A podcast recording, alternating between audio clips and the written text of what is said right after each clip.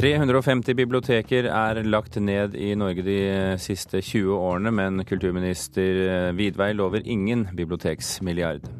Norge kan få sin første masterutdanning i dataspill, og bransjen jubler. Jeg tror det hadde vært genialt å få et masterstudie i Norge. Dette er big business, og vi kan få lov å være med hvis vi får sjansen. Midtgangen i Stavanger domkirke blir catwalk for brudemote. Ikke bra, mener folk på gata. Du hører på Kulturnytt med Birger Kolsrud Jåsund i studio. Vi kommer tilbake til både dataspill og biblioteker etter hvert, men også vi begynner med eh, dit.no. NRK skrinlegger altså trafikkportalen dit.no. Dit.no skulle jo da bli et nettsted der folk kan eh, finne alt man trenger å vite om reiser og reiseruter i Norge, og det skulle være et samarbeid mellom Statens vegvesen, Ruter og eh, trafikanten, samt NRK, men nå forsvinner altså NRK ut ord soga. Og Tommy Hansson, unnskyld, Tommy Hansen, kommunikasjonsdirektør i NRK, hvorfor vil ikke NRK være med på dette lenger? Ja, Det er summen av eh, flere ting som gjør at vi nå trekker oss fra dette samarbeidet. Det er først og fremst at vi har jobba med dette her i fire-fem år. Eh, på den tida så har det skjedd fryktelig mye, både på hvordan eh, vi som publikum bruker denne typen tjenester, hvilke andre tjenester som har kommet, og kompleksiteten i disse tjenestene i forhold til publikumsforventninger. Eh, sånn at um, Når vi legger alt sammen sammen, så ser vi at hvis vi skal få til den tjenesten vi hadde lovt publikum, så vil det være så komplisert og ikke minst så dyrt at vi velger å prioritere annerledes og trekke oss derfor ut fra dette prosjektet sånn som det ligger nå. NRK har jo tidligere fått sterk kritikk for å bruke sin lisensbaserte sterke økonomi for å lage nettsteder som dette, og på den måten da spenne bein på kommersielle aktører som ønsker å gjøre det samme. Hvor viktig har den kritikken vært for at NRK nå trekker seg? Nei, Den har ikke spilt en avgjørende rolle i denne konklusjonen. Nå tror jeg det er viktig å huske på at eh, NRK er så stor at vi nesten uansett hva vi gjør, eh, vil ha en betydning for markedet. Eh, når vi søkte om å få godkjent denne tjenesten, som var den første gangen de måtte søke i forhold til en såkalt forhåndsgodkjenning av nye tjenester, så var det jo veldig sterke ord fra veldig mange av konkurrentene våre og andre aktører om at de skulle lansere en sånn tjeneste. Det er egentlig ingen som har lansert en sånn type tjeneste i disse årene som har eh, gått. Eh, derimot så ser Men er ikke det litt fordi at NRK har ligget og sperret? Jeg tror at eh, også for de så har dette vært utrolig krevende og utrolig vanskelig. Så det vi ser er jo at det i større grad blir internasjonale aktører som leverer denne typen tjenester. Og så har kringkastingssjefen sagt at dette er mm, tjenester som ligger i ytterkanten av NRKs oppdrag. Godt innafor, men, men, i ytterkanten og i randsonen av vårt oppdrag. Det er også en merkevare som ikke er knytta opp til NRK. Eh, at den har et, har et, annet navn. Eh, det betyr at vi heller vil bruke ressursene våre på ting som vi opplever som eh, tydeligere i midten av det som er vårt oppdrag. Den nye regjeringen har gitt ganske tydelige signaler på at NRK ikke skal være så aktiv i kommersielle markeder. Det at NRK nå trekker seg fra dit ennå, har det absolutt ingenting med regjeringens signaler å gjøre? Nei, Dette har vi jobba med over lang tid, og det vil være en fryktelig farlig vei for en eh, bedrift som NRK, som eh, har, sitt, eh, som har sin største styrke i det å være uavhengig av partipolitiske føringer og ta hensyn til, til politisk spill når vi planlegger sånne type tjenester. Dette er et prosjekt som går over veldig lang tid, og, som, og vi har jobba med problemstillinga rundt dette her lenge før det ble et regjeringsskifte, og lenge før vi fikk de signalene. Men det vil jo ikke være første gang NRK trekker seg fra Eh, jeg tenker da på da NRK trakk eh, reklame fra nettsidene, nyhetsnettsidene sine. Mm. Eh, det var vel også et politisk, politisk signal?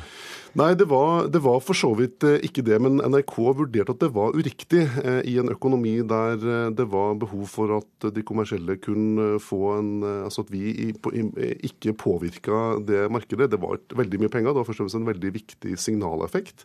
Og jeg tror at det er lurt og klokt, og det er helt nødvendig at NRK tenker aktivt på hvordan vi forvalter vår posisjon, våre ressurser og vår makt. Eh, for at NRK blir jo bare så god som eh, Altså vi blir, også, vi blir gode i et marked der de kommersielle også har gode vilkår. Hva skjer med dit.no nå? Nå skal vi opprettholde den gode dialogen vi har hatt med de andre samarbeidspartnerne for å passe på at det gode arbeidet som har vært gjort her, ikke går til spille. Eh, og vi håper jo at, at de andre aktørene kan få noe ut av dette, lansere en, eller få til en tjeneste. Og så har trafikkinformasjon vært en del av tilbudet her i NRK siden radioen ble født. Og det skal det fortsatt også være, i nært samarbeid med disse partnerne vi har jobba sammen med i Trafikkportalen. Tommy Hansen, eh, kommunika kommunikasjonsdirektør i NRK, takk for at du kom til Kulturnytt.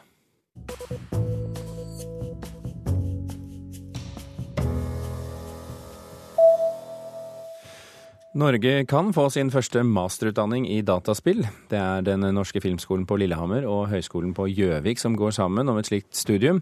Spillbransjen jubler og mener større spisskompetanse er et viktig steg for at Norge skal kunne være med i en bransje som har, hatt, har blitt storindustri på verdensbasis. So night. Du er midt inne i dataspillet Among the Sleep, et spill under utvikling i en liten bedrift i Hamar. De er et av noen titalls selskap i Norge som kjemper mot de beste i verden om å lage spillsuksesser. Men bransjen mangler en masterutdanning i fagene sine. Noe Høgskolen på Gjøvik og Den norske filmskolen på Lillehammer vil rette på. Med det solide know-how vi har hos oss, og kombinert med det know-how som finnes på avdelingen for informatikk eh, på Gjøvik, så kan vi skape noe helt unikt. Det sier dekan på Filmskolen, Thomas Stenderup. Det er koblingen av et velrenommert teknologisk og kunstnerisk miljø han mener er unikt. De skal tilby en toårig master med seks linjer. Målet er at de første 18 studentene skal starte høsten 2016. Eh, spillutdanningen skal ikke utdanne den store volumen som det sikkert er behov for. Eh, men men de der skal ut og være med til å, forny øh, spillet og spillets uttrykk. Det her sitter altså Krillbite Studio. Krillbite på Hamar med sine elleve ansatte og resten av Spill-Norge er foreløpig lilleputter i en industri som vokser raskt. Det er uh, ikke bare gutta på gutterommet som spiller, det er uh, veldig utbredt. Og en industri som omsetter eh, mer enn film og, musikk eh, på internasjonal basis. Sier Leif Holst Jensen i Produsentforeningen. Det er noe som ikke fungerer som det skal, da. Spillindustrien i Sverige omsatte i fjor for 3,7 milliarder kroner. Minecraft alene sto for 1,5 milliard. Også Finland har store tall med suksesser som Angry Birds, mens Norge omsatte for et sted mellom 150 og 200 millioner. Holst Jensen mener kompetanse er viktig for å ta Norge hakket videre i denne industrien. Vi sier kort at vi trenger dette. Dette er big business, og vi kan få lov å være med hvis vi får uh, sjansen. Jeg vet om flere venner av meg som har, er veldig, veldig flinke, men som nå jobber i utlandet i Ubisoft og forskjellige eh, Hollywood-filmer og sånne ting. Og det har vært genialt å få den kunnskapen de har tilbake i Norge. Sier Espen Kielland, som er animatør i Krillbite. Han startet studiene sine i England før han fullførte bachelor ved Høgskolen i Hedmark. Og det er veldig mange norske studenter som tar de tre første årene her, og så fortsetter de studiet sitt og tar masteren i England på den skolen der. Da. Og jeg tror det hadde vært genialt å få et sånt studie, eh, et masterstudie lokalisert i Norge. Det tror jeg. Kollega Ole Andreas Jorde er enig, men han stiller krav om at den òg må være like god som i utlandet. I USA så har du flere skoler som er berykta og veldig attraktive fordi det er, eh, det er tidligere genier omtrent som har laga ekstremt gode spill som har eh, gått over i det akademiske. Det er jeg helt enig i. Altså, det gir kun mening hvis vi kan tiltrekke de største talenter innen spill. Så det, jeg har tiltro til at, øh, at det blir en bra utdanning. Du hørte til slutt dekan ved Den norske filmskolen på Lillehammer, Thomas øh, Stenderup, og reporter det var Torunn Myhre. Spillekspert og spillskribent øh, bl.a. for Aftenposten, Jon Cato Lorentzen, velkommen til Kulturnytt. Takk skal du ha. Hva slags utdanning er dette egentlig? Hvilke fagområder snakker vi om her? Nei, det, det, er jo veldig mange forskjellige fagområder innen spillutvikling. Det er jo både design, rent interaksjon, eh, interaksjonsdesign og selve spilldesignet. Så har du grafikkdesign, eh, programmering og mer sånne tekniske kunnskaper. Men alt dette Det, det morsomme med spill er jo at alt det her kommer i sammen og blir kunstneriske uttrykk. Så at eh, det er jo absolutt et behov for å, for å spesialisere seg. Mm. Men hva, slags, hva, hva vil denne utdanningen ha å si? Tror du? Nei, det er litt vanskelig å si på forhånd, fordi det, de siste ti årene så har det vært en voldsom økning i spillutdanning i Norge. Veldig mange høyskoler tilbyr spillspesialisering i, i forskjellige tekniske linjer. Eh, problemet har vel vært at det er ikke en veldig stor spillbransje i Norge, så når du er ferdig utdanna, så kom, kommer du ikke rett inn til dekka bord i en eller annen eh, toppjobb i en, eh, i en, norsk spillutvikler. Så at man må i stor grad skape sin egen framtid etter man er ferdig utdanna. Men Betyr det også at med en masterutdanning så vil man rett og slett rekruttere folk til arbeidsledighet eller usikker fremtid? Ja, I en undersøkelse som eh, Sverige gjorde for, for, den svenske spillbransjen, for der har det jo også vært en voldsom vekst i, i utdanninga, viste vel at 5 eh, av de som søkte på spillstudier i 2011, eh, mest sannsynlig ville ende opp med å jobbe med spillutvikling. Så det er jo det er et veldig trangt marked å komme inn på, men samtidig så trenger man jo veldig høy kompetanse, spesielt for de største spillutviklerne. Så jeg vil jo absolutt si at det er behov for en, en toppa utdanning og enda mer spesialisering innen spillutvikling. Vi så jo, Jeg hørte jo her i reportasjen at det er veldig stor forskjell på hva eh, norsk spillindustri tjener eh, og hva svensk spillindustri tjener, f.eks. Eh, er en masterutdanning det som skal til for at eh, Norge skal vokse som eh, dataspillprodusent? Det er nok eh, mer enn det som skal til. Altså Svenskene har jo hatt en eh, fryktelig bra sånn gründerkultur og satsa internasjonalt fra dag én. Mens i Norge, når de begynte med offentlige støtteordninger for spill på starten av 2000-tallet, så var det et veldig fokus på at det skulle tilrettelegges for det norske markedet, og så var det internasjonale et, et sekundært marked. I dag så er det sånn at uh, du kan leve som en veldig liten spillutvikler på å lage applikasjoner og spill både for kommersielle aktører, men også på egen hånd og satse og få disse ut internasjonalt, fordi dette distribusjonsnettverket man var avhengig av før, er borte. Sånn at uh, Vi ser akkurat nå at norsk spillbransje er så stor som det aldri har vært. Det er så mange utviklere som det aldri har vært, og vi venter vel egentlig bare på en slags forløsning på, på en eller to virkelig store sånn Minecraft-type suksesser i Norge. Hva er uh, norske spillutviklere gode på, da? Eh, vi har alltid vært teknisk kompetente. Det har vi vært helt siden 80- og 90-tallet, når man satt hjemme med, med, hjemmedatamaskinene sine og programmerte og skapte ting på egen hånd. Da var Norge helt i, i toppen internasjonalt på starten av 90-tallet. Men så forsvant det noe i overgangen til å gjøre dette profesjonelt, til å kunne leve av å, å skape spill og interaktiv underholdning. Så, så, den tekniske kompetansen har Norge alltid vært god på. Og det er veldig mange nordmenn som jobber i utenlandske spillselskaper. Eh, spillekspert og spillskribent eh, Jon Cato Lorentzen, tusen hjertelig takk for at du var med i Kulturnytt.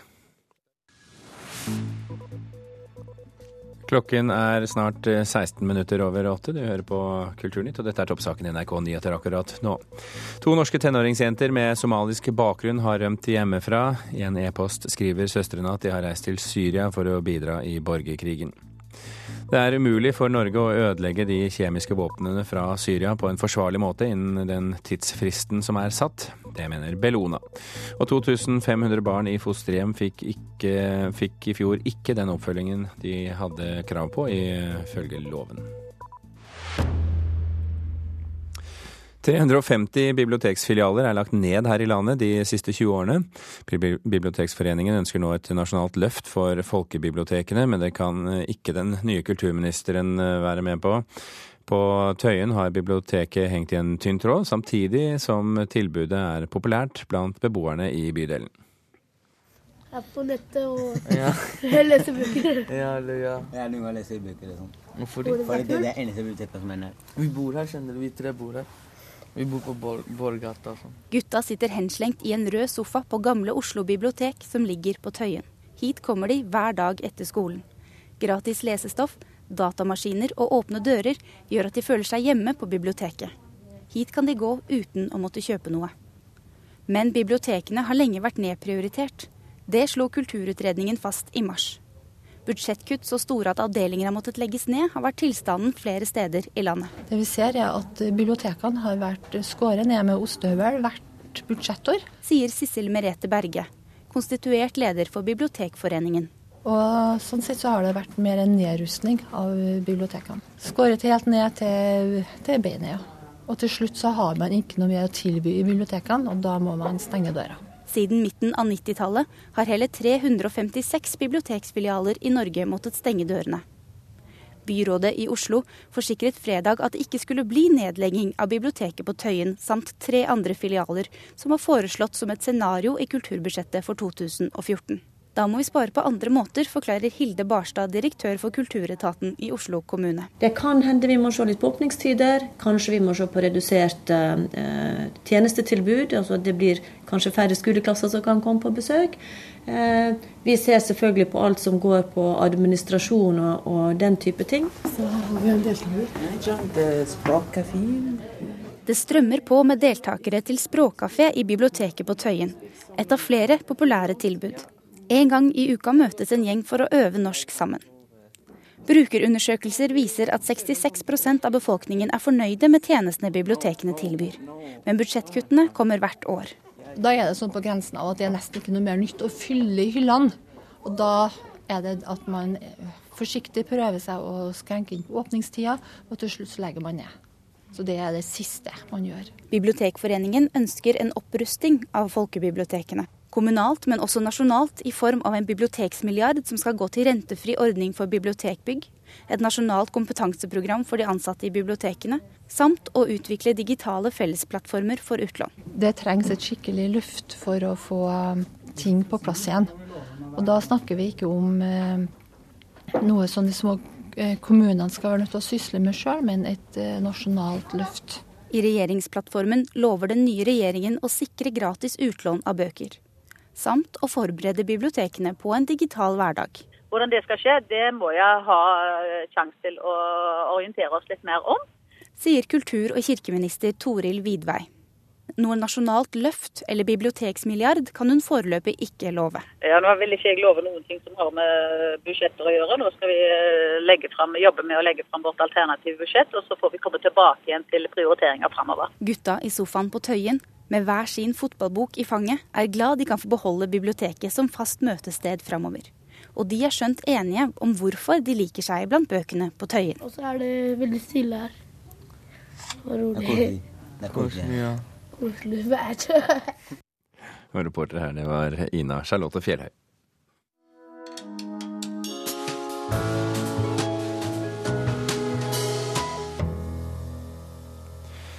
Tilhører sjeldenhetene at en forfatter er dobbeltnominert til Nordisk råds litteraturpris. Sist det skjedde, var med boken Beate Grimsrud selv skrev på både norsk og svensk.